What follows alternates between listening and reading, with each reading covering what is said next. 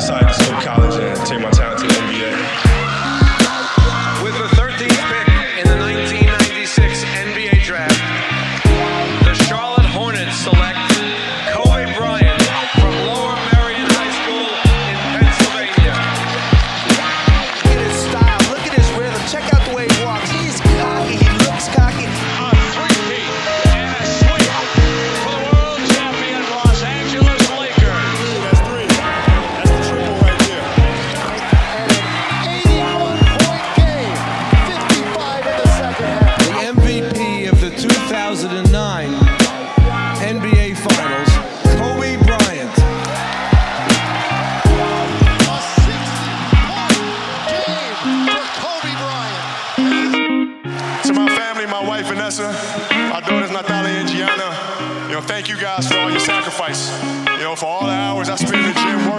Training. And Vanessa, you holding down the family the way that you have.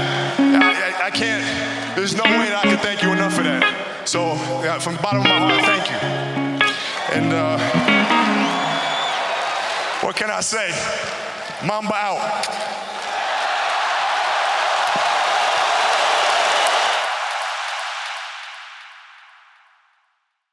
Welkom bij de Basketball Podcast. Het heeft even geduurd, maar daar zijn we weer. All-Star Break is voorbij. Met mij vandaag Nick Yo, hey.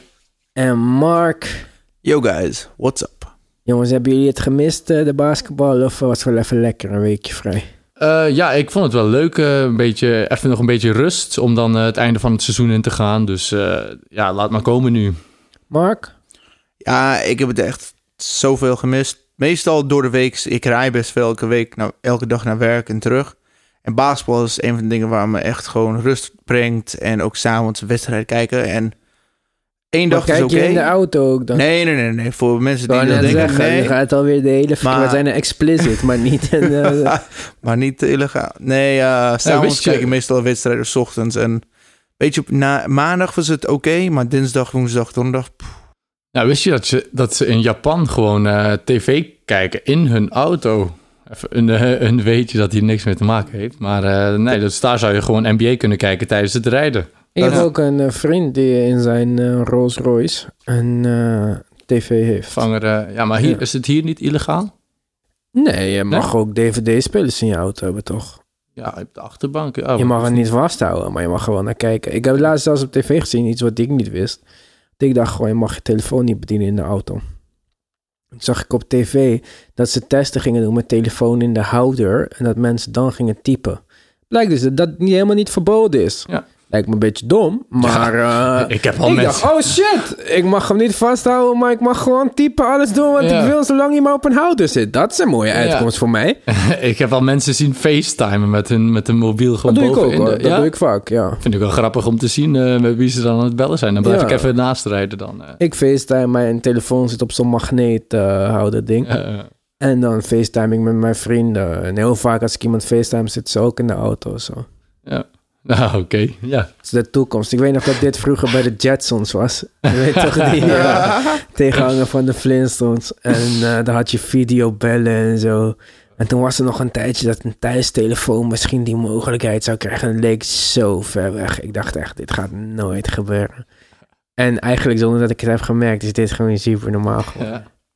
En eerst was ik nog gierig voor MB's of zo. Maar nu kan je gewoon op straat lopen met mensen praten. is geen stress. Maar goed, basketbal dus. Ik moet wat meer de baks gaan kijken. Want ik onderschat hun wel een... Niet onderschat, ik weet dat ze heel goed zijn.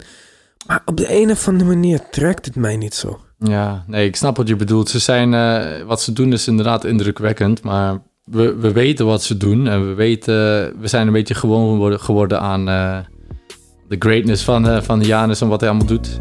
En, de rest van de ploeg. eh, We zijn wel on pace om 70 wedstrijden Ja. te winnen. inderdaad, ze Stel je zijn, voor dat ze 74 wedstrijden winnen. Was dit het beste team alle tijden? Heb Hebben ik we geen misschien enkele- 10 wedstrijden gezien of zo. ja, inderdaad. Maar goed, we gaan het straks hebben over de All-Star Game natuurlijk. Aangezien dat het enige basketbal is eh, wat is gespeeld. Maar eerst even naar het nieuws. Dit is het NBA nieuws van deze week. De Cleveland Cavaliers hebben John Beeline ontslagen. De 67-jarige coach tekende afgelopen zomer nog een contract voor 5 jaar, maar kon in 54 wedstrijden zijn stempel niet op de ploeg drukken. Assistent JB Bickerstaff neemt een stokje van hem over. Ja, jongens. eh, bij de kerst is iemand ontslagen. Nou, oké, leuk. Hij is eigenlijk niet ontslagen. Hij is eh, verplaatst naar een andere functie binnen de organisatie. Dat waarschijnlijk omdat hij een eh, massive contract heeft. Bickerstaff gaat het nu overnemen, niet op interim basis. Die is gelijk aangesteld als de echte hoofdcoach. Ik denk altijd van, ja, dat maakt ook niet echt uit dan. Als je dan toch iemand nieuw doet, dan gewoon alles nieuw. Het was gewoon belangrijk dat, de, dat, dat deze coach gewoon niet meer verder ging. Want het was heel duidelijk dat de spelers, en de, dat de spelers niet achter de coach stonden, weet je. Ja, maar welke spelers? Want volgens mij was het vooral Kevin Love die issues had hiermee. En ja, wat is de toekomst dan van Kevin Love bij de Cavaliers? Dat is een vraag die, eh, die je al een tijdje kan stellen. Van waarom, waarom heeft hij überhaupt zelfs dat contract getekend? Want Ja, in welke, op welke manier zag hij een toekomst bij de Cavs? maar Kevin Love heeft ook niet cijfers die hij had bij Minnesota. zo. Dus ik weet niet wat zijn probleem is. Maar ik denk dat hij gewoon vet blij moet zijn dat hij ooit met LeBron mocht spelen. En een beetje eh, basketbal heeft gespeeld wat het toe doet. Maar zo goed vind ik hem niet. Dus ik vind ook dat hij niet zo super bij de hand moet zijn. Ik, ik weet niet wat die man heeft gezegd. Maar dat ze dan zeggen dat hij het woord thug heeft gebruikt in plaats van slugs of zo.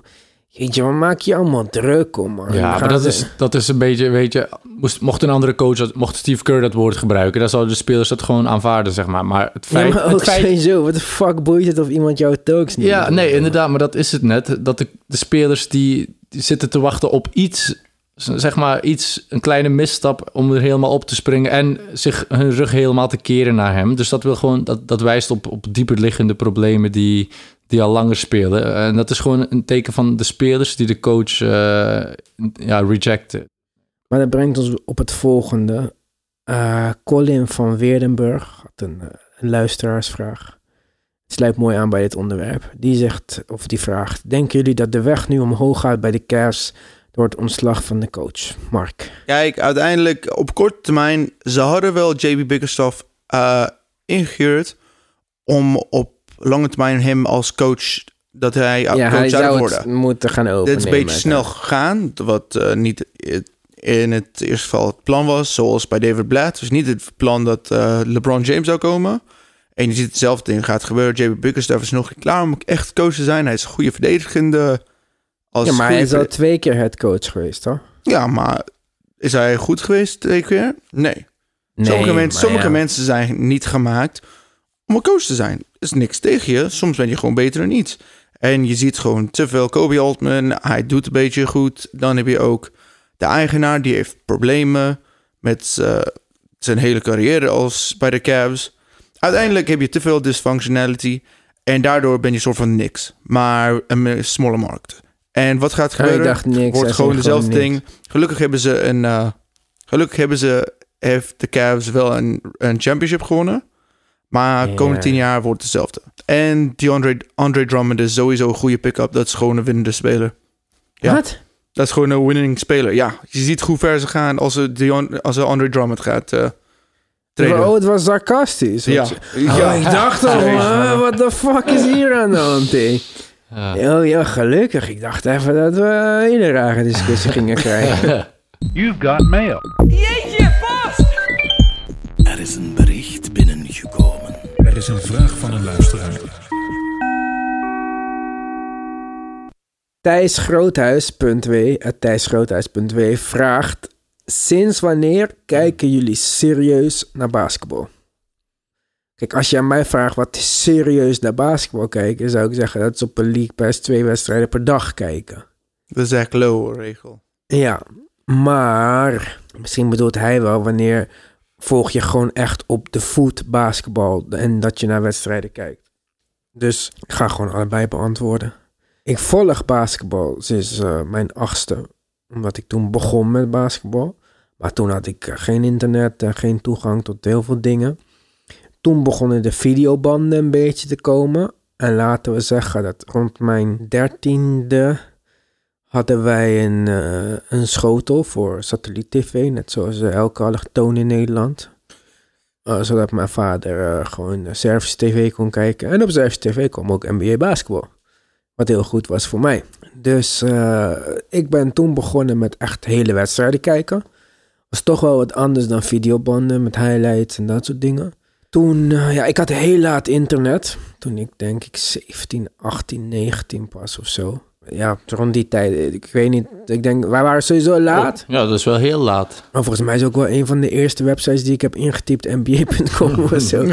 Ja, daar kon je toen gewoon highlights kijken en zo, maar niet echt. eh, zover ik weet, in ieder geval bestond die League Pass niet.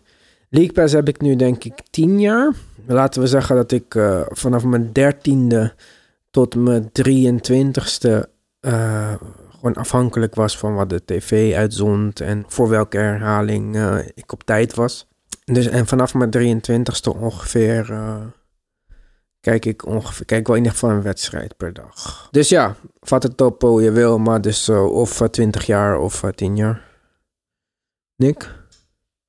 Ja, bij mij eh, is die NBA League Pass is pas eh, heel laat gekomen. Eh, Ik denk van, van zodra ik beginnen werken ben en echt eh, geld had om daar aan uit te geven. Eh, Maar wanneer was dat dan? Want ik neem aan dat je al een tijdje werkt. Ja, ik eh, ben een, een zestal jaar geleden beginnen werken, zeg maar. Dat is, toch, dat is best wel lang al, zes jaar. Ja, ja, maar ik ben echt wel, weet je, ik ben beginnen basketbal als ik eh, zes jaar was. En dan ging ik ook altijd naar de, de Heren 1 kijken, zeg maar. Dus ik was echt wel, ik, ik, ik keek elk weekend wel een wedstrijd. Mijn vader die wou, ik was echt ook eh, gemotiveerd om zelf hoog te spelen. Dus mijn wedstrijd kennis moest ik opbouwen uit, ja, gewoon wedstrijden uit, van Vlaanderen, zeg maar. Eh, ja, ik denk dat ik ook een jaartje of twaalf was toen ik eh, thuis internet had. Ik vind het al gek dat wij van de generatie zijn die ooit nog geen internet hebben gehad. Want het gaat Ja. later ook eh, ja, niet meer gangbaar zijn. Ehm, en dan was het inderdaad ook gewoon nba.com en de highlights en zelf opzoeken op YouTube van wat, wat, wat jij leuk vindt. Maar Ja, YouTube was er sowieso niet. Nee, ja, toen 18 eh, in het begin nog niet inderdaad. Maar later, van zodra YouTuber was, dan wa- waren er eh, mogelijkheden wel eh, meer uitgebreid om, om highlights en ja, mensen die gewoon oude dvd's op YouTube hadden gezet. Toen kon dat nog eerst. maar ja, dus ik, ik, ik zeg wel, van zodra ik die League Pass had, toen kon ik echt wel Ja, tot in detail kijken wat je wil. Dus dat is echt wel een aanrader voor mensen die, die meer willen bij, bijleren over, eh, over de NBA. Jij, Mark? Eh 2010, 11 seizoen. Ja. eh, of 11, 12. Het is het eerste seizoen van dat de Thunder in de finales kwam. Daardoor heb ik ze gekozen. ja, dat, dat is soort van ja, de, Ja, ja, de ja, reden waar. ja, ja. En Aha. die finales heb ik eh, gezien en ik was een beetje verliefd op. eh, of ik vond Westbrook. Dat was je favoriet van de drie toen? Nee, nee, nee, nee, nee Oh. maar ik vond die trio, die, ik vond die kwartet. Ik kan me die, ik overigens vond die wel- kwartet. Voorstellen dat als je voor het eerst basketbal kijkt, dat. Westbrook een leuk speler is om te zien. hè? Ja, maar als je hem ook... Weet je, ik was echt helemaal gek van de Thunder in het begin. Weet je, ze Ja. pasten gewoon zo mooi bij elkaar. Je had een, eh, een sixth man die... eh, Echt, ik had helemaal niks met hem. ik, had, ik vond ze echt geweldig. Ik, vond, ik was geen fan van Westbrook. Maar omdat Harden en Durant erbij speelden... dacht ik van, ja, dit is echt... Harden had ik ook niet gezien. Nee? Dat, dat hij zo goed zou Ik- worden. ik Durant was- vond ik heel goed. Nee, Harden was gelijk mijn favoriet. Echt? Ja, ja. Oh nee, dat had ik niet. eh, Ja. Ik zag dat niet. De, de- ik vond Durant goed. Maar, Ik zag hem een, een, een meer... maar wij onderbreken vet trouwens, Mark, zo shit. Sorry, Mark. Ja, dus, dus was die 2011, West- 2012. Het was die Western Conference Finales toen tegen de Spurs. En dat is mijn eerste keer. En sinds die tijd... Ik had misschien één jaar, waar, één of twee jaar tussen die tijd. Maar niet volledig. Maar ik heb wedstrijden gekeken elke dag bijna in de NBA. Sinds die. Maar dat is ook al negen jaar geleden of zo. Ja, negen jaar Sindsdien geleden. elke dag. Maar hoe keek je dan? Eh, ik kreeg eigenlijk pas internet ook toen ik 11 was, tussen 2008 en 2009. En sinds die tijd heb ik eh, een soort van pirating. Oh-oh, stop. Mm. Hallo, Stichting Brein. Knippen, dit knippen we er even. Ja, niet luisteren naar dit. We hebben niks, we doen niet aan pirating. Wij eh, zijn heel braaf. Goed, op naar het volgende onderwerp. De buyout market begint op stoom te komen. Nadat eerder Marvin Williams en Michael Kidd Gilchrist een nieuwe werkgever vonden, hebben nu Jeff Green, die in december werd uitgekocht door de Utah Jazz, en de Murray Carroll van de Spurs hun weg naar de Houston Rockets gevonden. Reggie Jackson laat de Motor City achter zich voor de felle lichten van Hollywood, maar gaat niet naar de Lakers, die nog op zoek zijn naar een playmaker, maar naar de Clippers. Tyler Johnson werd uitgekocht door de Phoenix Suns, maar heeft nog geen nieuw thuis gevonden. En ook Isaiah Thomas en Dion Waiters zijn nog steeds op zoek naar een nieuw team. Ja, jongens, eh, Houston Rockets die hebben twee centers erbij dus. De Mark Carroll en de Jeff Green. Ja. Dat eh, weet ik niet wat ze precies daarin zien. Maar goed, de buyout markt. Er zijn niet eh, echt centers beschikbaar totdat Tristan Thompson vrijkomt. En ik denk dat dat echt gelijk voor iedereen, eh, behalve de Lakers dan, dat is precies wat zij niet nodig hebben. Maar Clippers denk dat ook wel geïnteresseerd zouden zijn in Tristan Thompson. Dus eh, tot die tijd eh, gaan de Houston Rockets met de Murray Carroll en Jeff Green spelen. Ik vind dit niet echt super pick-ups dat we nu een hele discussie moeten hebben. Of jullie moeten zeggen, nou vind ik van wel. In ieder geval gaan ze vol op voor hun strategie. Dat is wel dapper. Maar een grotere pick-up is dan eh, Reggie Jackson die naar de Clippers gaat. En niet naar de Lakers eigenlijk, dat is belangrijker. Lakers op zoek naar een playmaker, Darren Collison, die dan uiteindelijk niet gaat spelen, la la la. En weer de zoveelste speler die niet naar de Lakers gaat, maar wel naar de Clippers. Maar daar al in een groepsgesprek, Orfeo vond het opmerkelijk dat eh, dat weer gebeurde. Ja, wat denken we hiervan? Is het een grote pick-up? Ik denk dat het wel groot zou kunnen worden als er, als bijvoorbeeld een Patrick Beverly, die toch wel ergens een beetje blessuregevoelig is, als hij uitvalt, dan is het gewoon eh, een geweldige zet. Dan hebben ze gewoon iemand eh, waarop ze terug kunnen vallen. Hij kan, ik, ik ben nooit de grootste Reggie Jackson fan geweest, maar hij kan wel Ja, kwaliteit. dat jullie Thunder-fans waren, dat was hij goed toch? Ja. Ik kom zo aan met mijn comment. Hè. Laat Nick even af. Ja, laat Zijn, eh, dus ik was niet zo hard onder de indruk van, eh, van hem. Maar eh, hij- het kan heel goed uitdraaien. En het feit dat hij niet naar de Lakers is gegaan... eh, spreekt toch wel weer over eh, hoe de free agents... eh, ja, bij welke ploeg ze liefst willen spelen. En dat eh, zegt ook wel wat, eh, denk ik, over de, de titelrace. Mark, wat denk jij? Ze hebben best veel over nagedacht als het een goede move zou zijn qua chemistry. Maar je kan niet echt verliezen. Dit is een speler die laatst paar jaar vaak blessured zat. Is niet echt gewoon een starting eh, point guard. Maar wat, je wel hebt, wat we wel hebben gezien in zijn carrière... bij de Thunder toen hij de six man was...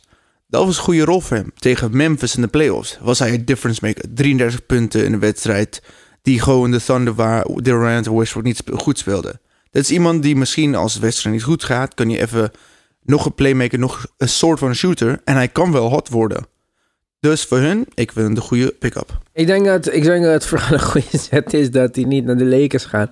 En het is Marcus Morris nu, Reggie Jackson zijn nog twee spelers. Dus eh, ja, kwaad kan het niet. En als hij heel vervelend is of chemistry verpest, nou twijfel ik of ze zoveel chemistry hebben daar op dit moment. Dan, ehm, Ja, ik zou het niet onderschatten. Ik heb een, eh, een eh, podcast gezien met Lou Williams... en ze hangen echt wel bij de Clippers goed aan elkaar. Ik denk dat Ja? het... Ja, ik denk echt van wel. Maar ze Ik moeten denk- samen spelen. hè. Dat is chemistry on the court. Dat zijn hebben niet, ze niet. eh, als je kijkt naar de Lakers, zij zijn, eh, ze gaan samen naar de cinema, ze doen leuke dingen. Dat hebben ze bij de Clippers niet, maar ze zitten vind ik wel... ook een beetje overdreven. Ja. Ze zijn allemaal volwassen Ja. mannen ook. hè. Ja, nee, maar ze- dat is echt gewoon eh, hoe, hoe het daar gaat, zeg maar. LeBron wil er allemaal beste vrienden van maken. Eh, bij de het, Clippers eh, is het meer op een, op een volwassen niveau. Maar ik denk dat ze echt wel een familie zijn. Ze hebben allemaal wat te bewijzen en ik denk dat ze echt wel eh, goed aan elkaar hangen. Goed, we gaan het zien. Op naar het volgende onderwerp. De All-Star Break is voorbij en het was er één voor de boeken. Het sterrenspektakel wat zich dit jaar in Chicago afspeelde stond in het teken van Kobe Bryant. Er waren meerdere emotionele eerbetonen aan de overleden Lakerster, waaronder een speech van Magic Johnson. Maar misschien wel de mooiste was een optreden van Jennifer Hudson, die zeker het herkijken waard is. De hele opening werd aan elkaar gerijmd door rapper Common. Een indrukwekkende en frisse benadering van een normaal iets wat saaie ceremonie.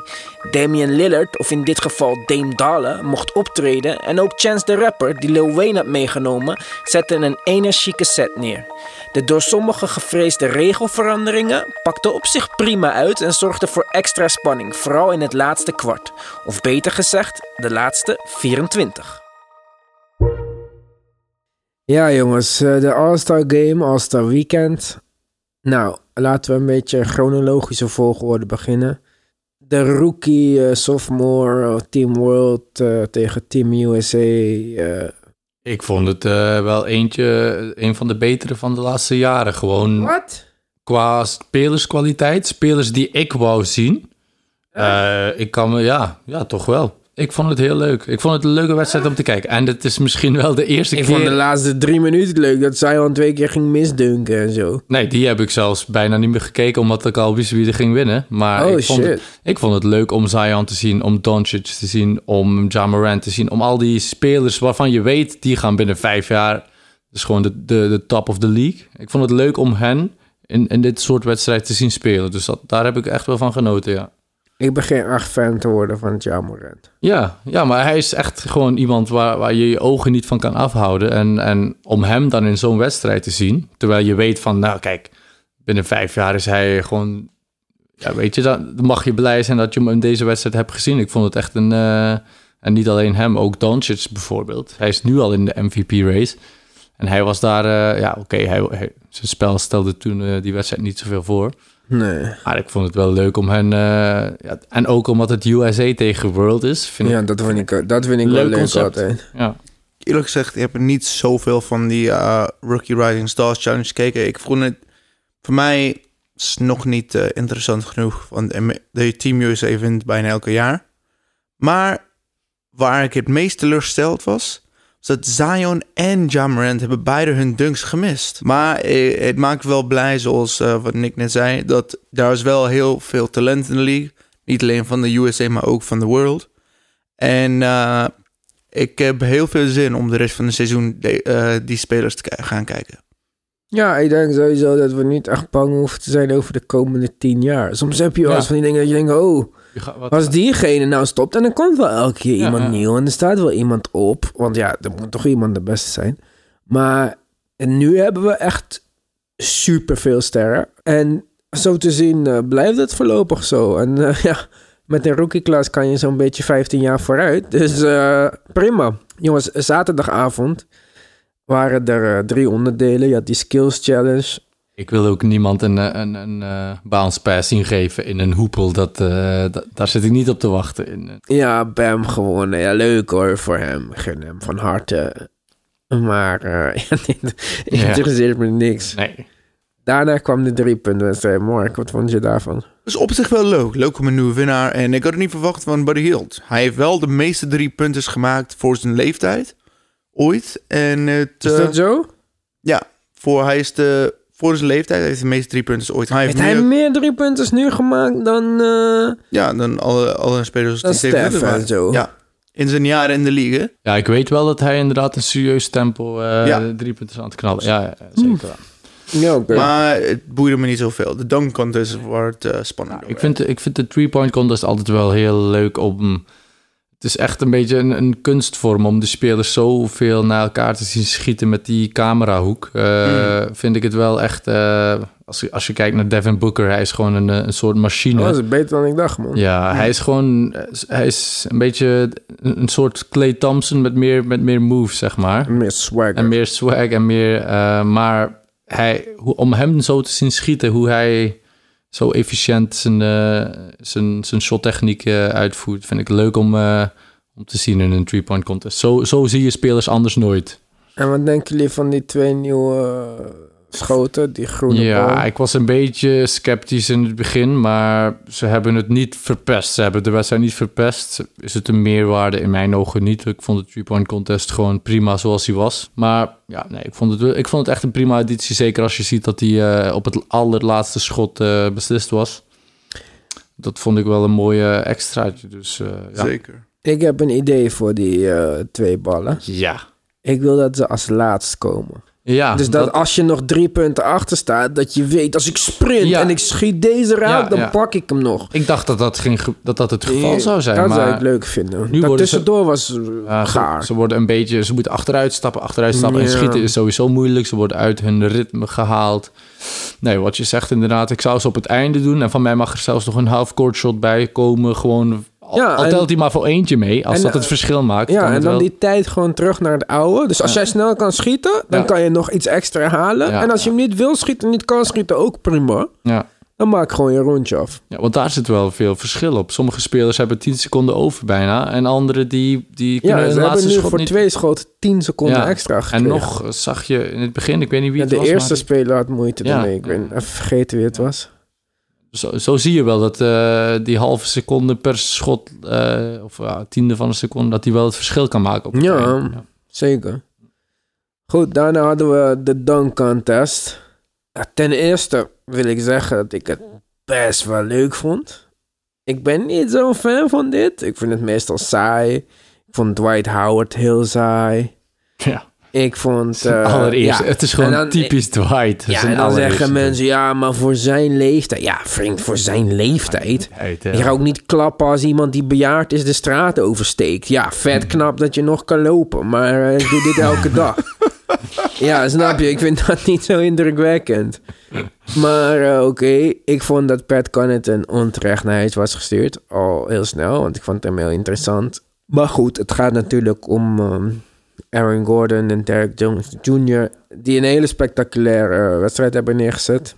Aaron Gordon al twee keer dunk trofee door de neus geboord. Dus Ja, ja, nee, dat vind ik inderdaad vooral. eh, ik vond het vorige keer mocht hij, moest hij gewonnen hebben. Hij had gewoon de meest creatieve dunks toen die dunk contest met uh, Zach Levine. En toen is hij gewoon bestolen geweest. En nu vond ik dat eerlijk gezegd ook een beetje. Terwijl, ja, oké. Derek Jones kon heel goed door zijn benen dunken. Hè, dat was eh, mooi om te zien. Maar na de derde keer had ik ook wel iets van... oké, creativiteit mag ook wel meer beloond worden. Ik vond het, eh, zoals wat je net zei, drie of vier dunks door de benen, leuk. Beetje creativiteit. En dan ten tweede, ehm, toen, hij ging, toen hij had verloren van Zach Levine, ik kon er wel begrijpen van Zach Levine ziet er zo bizar goed uit als hij aan het. Het is een soort van... vind ik dus tegenovergesteld. Oké, maar ver- en wat ik verder vond is dat eh, uiteindelijk dit moet een beetje gaan stoppen. In de, komende, in de komende jaren gaat iemand echt een heel slecht passeren krijgen door hij, iemand probeert over taco vol te springen. Het is hem gelukt, hij heeft het niet geprobeerd. Het is gelukt. gelukt. Maar hoeveel keren, hoeveel in de kansen worden groter dat het zal gebeuren in de toekomst. Mensen, nu moet je boven taco gaan springen, hé? Dan eh, hadden we zondag de All-Star Game, nieuwe format. Eerste drie kwarten elke keer gereset naar nul, waarvan de winnaar eh, 100.000 dollar kreeg voor charity. Gelukkig heeft Team Jannes eh, bekendgemaakt dat zij nog 100.000 dollar extra overmaken voor het kwart wat ze niet hebben gewonnen. En dan in het vierde kwart gingen we spelen tot 24 punten. En dat was best wel leuker dan ik had verwacht. Nee, het was, daarvan? nou, ik ga niet zeggen dat, dat, dat alleen die format, dat dat de reden was dat ze zo hard hebben gespeeld. Want als het een gewone wedstrijd was, hadden ze ook heel hard gespeeld natuurlijk. Denk je?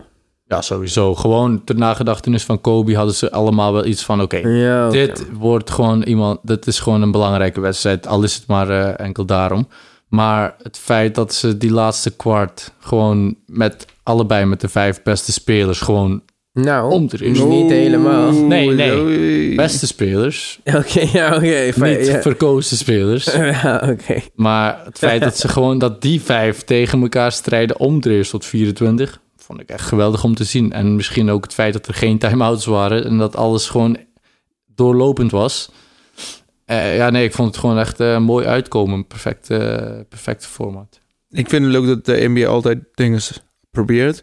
Want eh, twee, jaar geleden, eh, twee jaar geleden toen het Curry tegen LeBron was voor de eerste keer...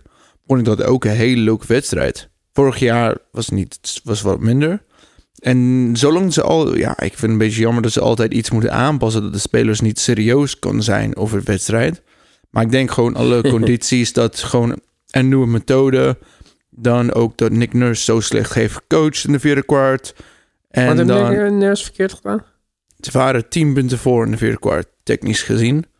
Ja. En hij heeft letterlijk Campbell Walker in de wedstrijd gehouden. Die letterlijk niks kon. En dan heeft hij ook eh, eh, James Harden in de wedstrijd gehouden. Ja. Eh, niet James Harden. De hele team ging gewoon niet goed spelen. Hij heeft Siakam en Lowry de hele wedstrijd gespeeld. Die konden ook niet zoveel in de vierde kwart. Ja, dat is eerder eh Janis een fout dan dat hij je slecht gedraft heeft. Ja, Ja, ik ben het daar ook niet echt mee eens, eerlijk gezegd. Want ik vond zelfs dat Laurie heel goed heeft gespeeld. Laurie heeft iets van eh, vier charges genomen. Ja, zelfs mijn vriendin eh, zei van, ja, die Laurie, die, eh, die Ja. gaat er wel voor. Ja, daarom. Ik vind dat Laurie juist wel goed gespeeld heeft. Siakam was niet super sterk, maar ik denk ook dat wij Siakam een tikkeltje overschatten. Hij is heel goed in het systeem wat hij speelt in een team wat een soort van om hem heen gebouwd is. Of in ieder geval waar hij een duidelijke rol heeft. Kijk, we spelen hier met echte supersterren. En met alle respect op de positie die hij speelt, hebben we mensen als Janis, LeBron, Anthony Davis. Ja, dat, dat is hij gewoon niet, jongens. Dat, dit is niet eh, raar. Ik vond Laurie wel heel goed. Wat ik zei, drie, vier charges. Ben Simmons steelt de bal iets van drie keer van Embiid. Ik heb nog no ik heb wel steals gezien. Hij moest over Ja, de Sixers maar ja, praten. maar ik moest vond het over zo- de Sixers. Het was een beetje opvallend dat hij gewoon elke keer ging, ging jagen op Embiid. Als, Ja, nee, als, ze gaan, als ze competen tegen elkaar, dan is het inderdaad... eh, ja, Ja, het is, geen, het is geen, het was niet echt een competitie. Embiid was de bal kwijt voordat hij door had wat er aan de hand was. Maar goed, ik eh, vond het wel leuk. Ik wou dat Giannis won. Is niet gebeurd. Maar had je verwacht dat hij ging winnen? Dat is een ploeg... Nee, ik, maar ik had Nee. ook niet verwacht dat hij überhaupt zou voorstaan. Zo, ja, dat hij zo dicht zou komen. ja, inderdaad. ik dacht dat, eh, dat LeBron met eh, gemak ging winnen. En de beste van allemaal, de ster der sterren, Kawhi Ja. met de MVP. All-Star MVP. Wie Ja, had dat? dat- Kobe Bryant, Ja, MVP. Ja, Ja, ja, dat ja. vond ik allemaal weer overdreven. Maar dat vond ik toch wel grappig. Ik vond het dat wel nooit een naam. Ik Hoezo had die elke, elke prijs in de NBA heeft een naam? Waarom dit? ik vond het gewoon al gek dat, dat Kawhi zoiets wint. ik ook dacht, Dat boeit gewoon- hem zwaar niks. Nee, inderdaad. Maar ik zag hem voor offensive boards gaan zoals hij in, in de playoffs zou doen. ja, En ja ik dacht, toch? Ik, dacht, ik wist niet dat hij dit... eh, maar ja, Ah, Van ik- Guy heeft hem gewonnen. Ja, ja. En daarna kwam hij weer met een hilarische persconferentie. Er stond een flesje Gatorade op tafel. Heerlijk. Ik zou de audioclip spelen, maar het is te zacht. Ik kan niet goed horen. Maar hij zegt, I'm not sponsored by Gatorade. En hij doet het flesje weg en klaar. Die man is, ik weet niet... Hij is geniaal. Ja, hij is echt een van de grappigste mensen die ik Ook- ken. Ik weet niet eens of het de bedoeling is of niet. Ja, het is sowieso ergens wel de bedoeling, maar hij is gewoon, ja, ook het verhaal dat hij over Kobe vertelde en, en Ja, precies. ah, heerlijk. Maar. Ze vroegen aan hem van wat, wat is je favoriete, ja, eh, het is gewoon emotionele waarde die ja, Kobe bij. TNT achteraf. Ja, ja, inderdaad. En eh, hij vertelde van, ja, Kobe vroeg een keertje aan mij van, eh hey, Kawhi, wat is het meeste schoten dat je ooit in een wedstrijd genomen hebt? Ik zei, eh, gewoon ik eh, op één wedstrijd, ehm, ja, 19 of zo, ik weet niet. Kobe zegt, eh, ja, ik, eh, ik heb ooit 49 genomen. Kawhi zegt, oh, alright, oké. eh. Dus eh, gewoon zijn reactie daarop vond ik al heel grappig. Maar het feit, weet je, dat hij, hij toch zoiets persoonlijks deelt van met Kobe. Hij, hij had echt wel een betere band met Kobe dan de meeste mensen zouden denken. Dus Ja. eh, ik, ik denk dat die, die MVP Award, dat die Kobe Bryant Award voor hem echt wel een, een betekenis had. Ja, omdat hij zo stil is, vullen we altijd maar voor hem in dat hij gewoon een hele kalme persoonlijkheid is. Ik denk dat hij echt wel een fun guy is. Dat het echt niet eh Hij verzonnen is heel fun. Ik zag hem laatst in de stripclub. Tenminste, ik was daar niet, maar ik zag hem op internet en ik las het Kawaii stripclub. De eh, manier, ja, hoe hij die briefjes ook gooit. Ja, maar hij zat wel met die grote hand van hem op die beeld te slaan. En volgens mij heeft hij gewoon een vrouw en een Ja. kindje net. Dus eh ja, ja, ja. vond dat eh, wel apart. eh. Ook eh, een grappig eh, filmpje achteraf gezien met zijn dochter. Eh, hij, hij nam een foto met, eh, met, met de award, zeg maar. Zijn dochter vroeg aan hem... Daddy, why, why are you always wearing these, these clothes? Ze vroeg van, waarom draag je die basketbalkleren altijd? Heel droog, ja. Ik vond het wel grappig. al met al, dunk contest beter dan ik had verwacht. Als ik eerlijk ben, echt de een van de beste All-Star Weekends ooit. Al, de, de, de Rising Stars Challenge was heel goed. veel talent. De, de three-point contest kwam op het allerlaatste schot neer. De dunk contest was ook met eh, een soort van overtime. En ja, de, het einde van de All-Star Game zelf was echt gewoon... eh, er, hing, er hing gewoon een beetje magie in de lucht. En dat, dat eh, heb ik de laatste vijf jaar, weet je... Als, als Steph Curry de, de captain van het team was... die bracht niet zoveel eh, energie mee. Eh, Maar die deed ook wel grappige dingen. die deed eh, grappige dingen, maar hij verdedigde het minst van allemaal. En ik denk dat de captain wel een beetje het voorbeeld moet moet zetten, geven. ja. En dat dat, dat net eh, hetgene was dat eh, de All-Star Game een beetje verpestte in de laatste vijf jaar. Mark, bij jou rankt hij ook zo hoog? Ja, de laatste tien jaar zeker. En bij jou, Ivan? Ja, wat ik zei, het was beter dan ik had verwacht. Maar als je nu zou zeggen van... ehm, volgend jaar doen we geen All-Star Weekend. Gewoon een week vrij. Vind ik ook Prima. prima. Ja, Yes. Niet vergeten ons te volgen op Instagram. ja. At de Basketbalpodcast. En eh, tell your friends. Ja, Ja, en we lieve, moeten een lieve leuke- laat een 5 ster rating, hè. Het maakt echt een groot verschil voor ons. Tot volgende week. Yo. Later, guys.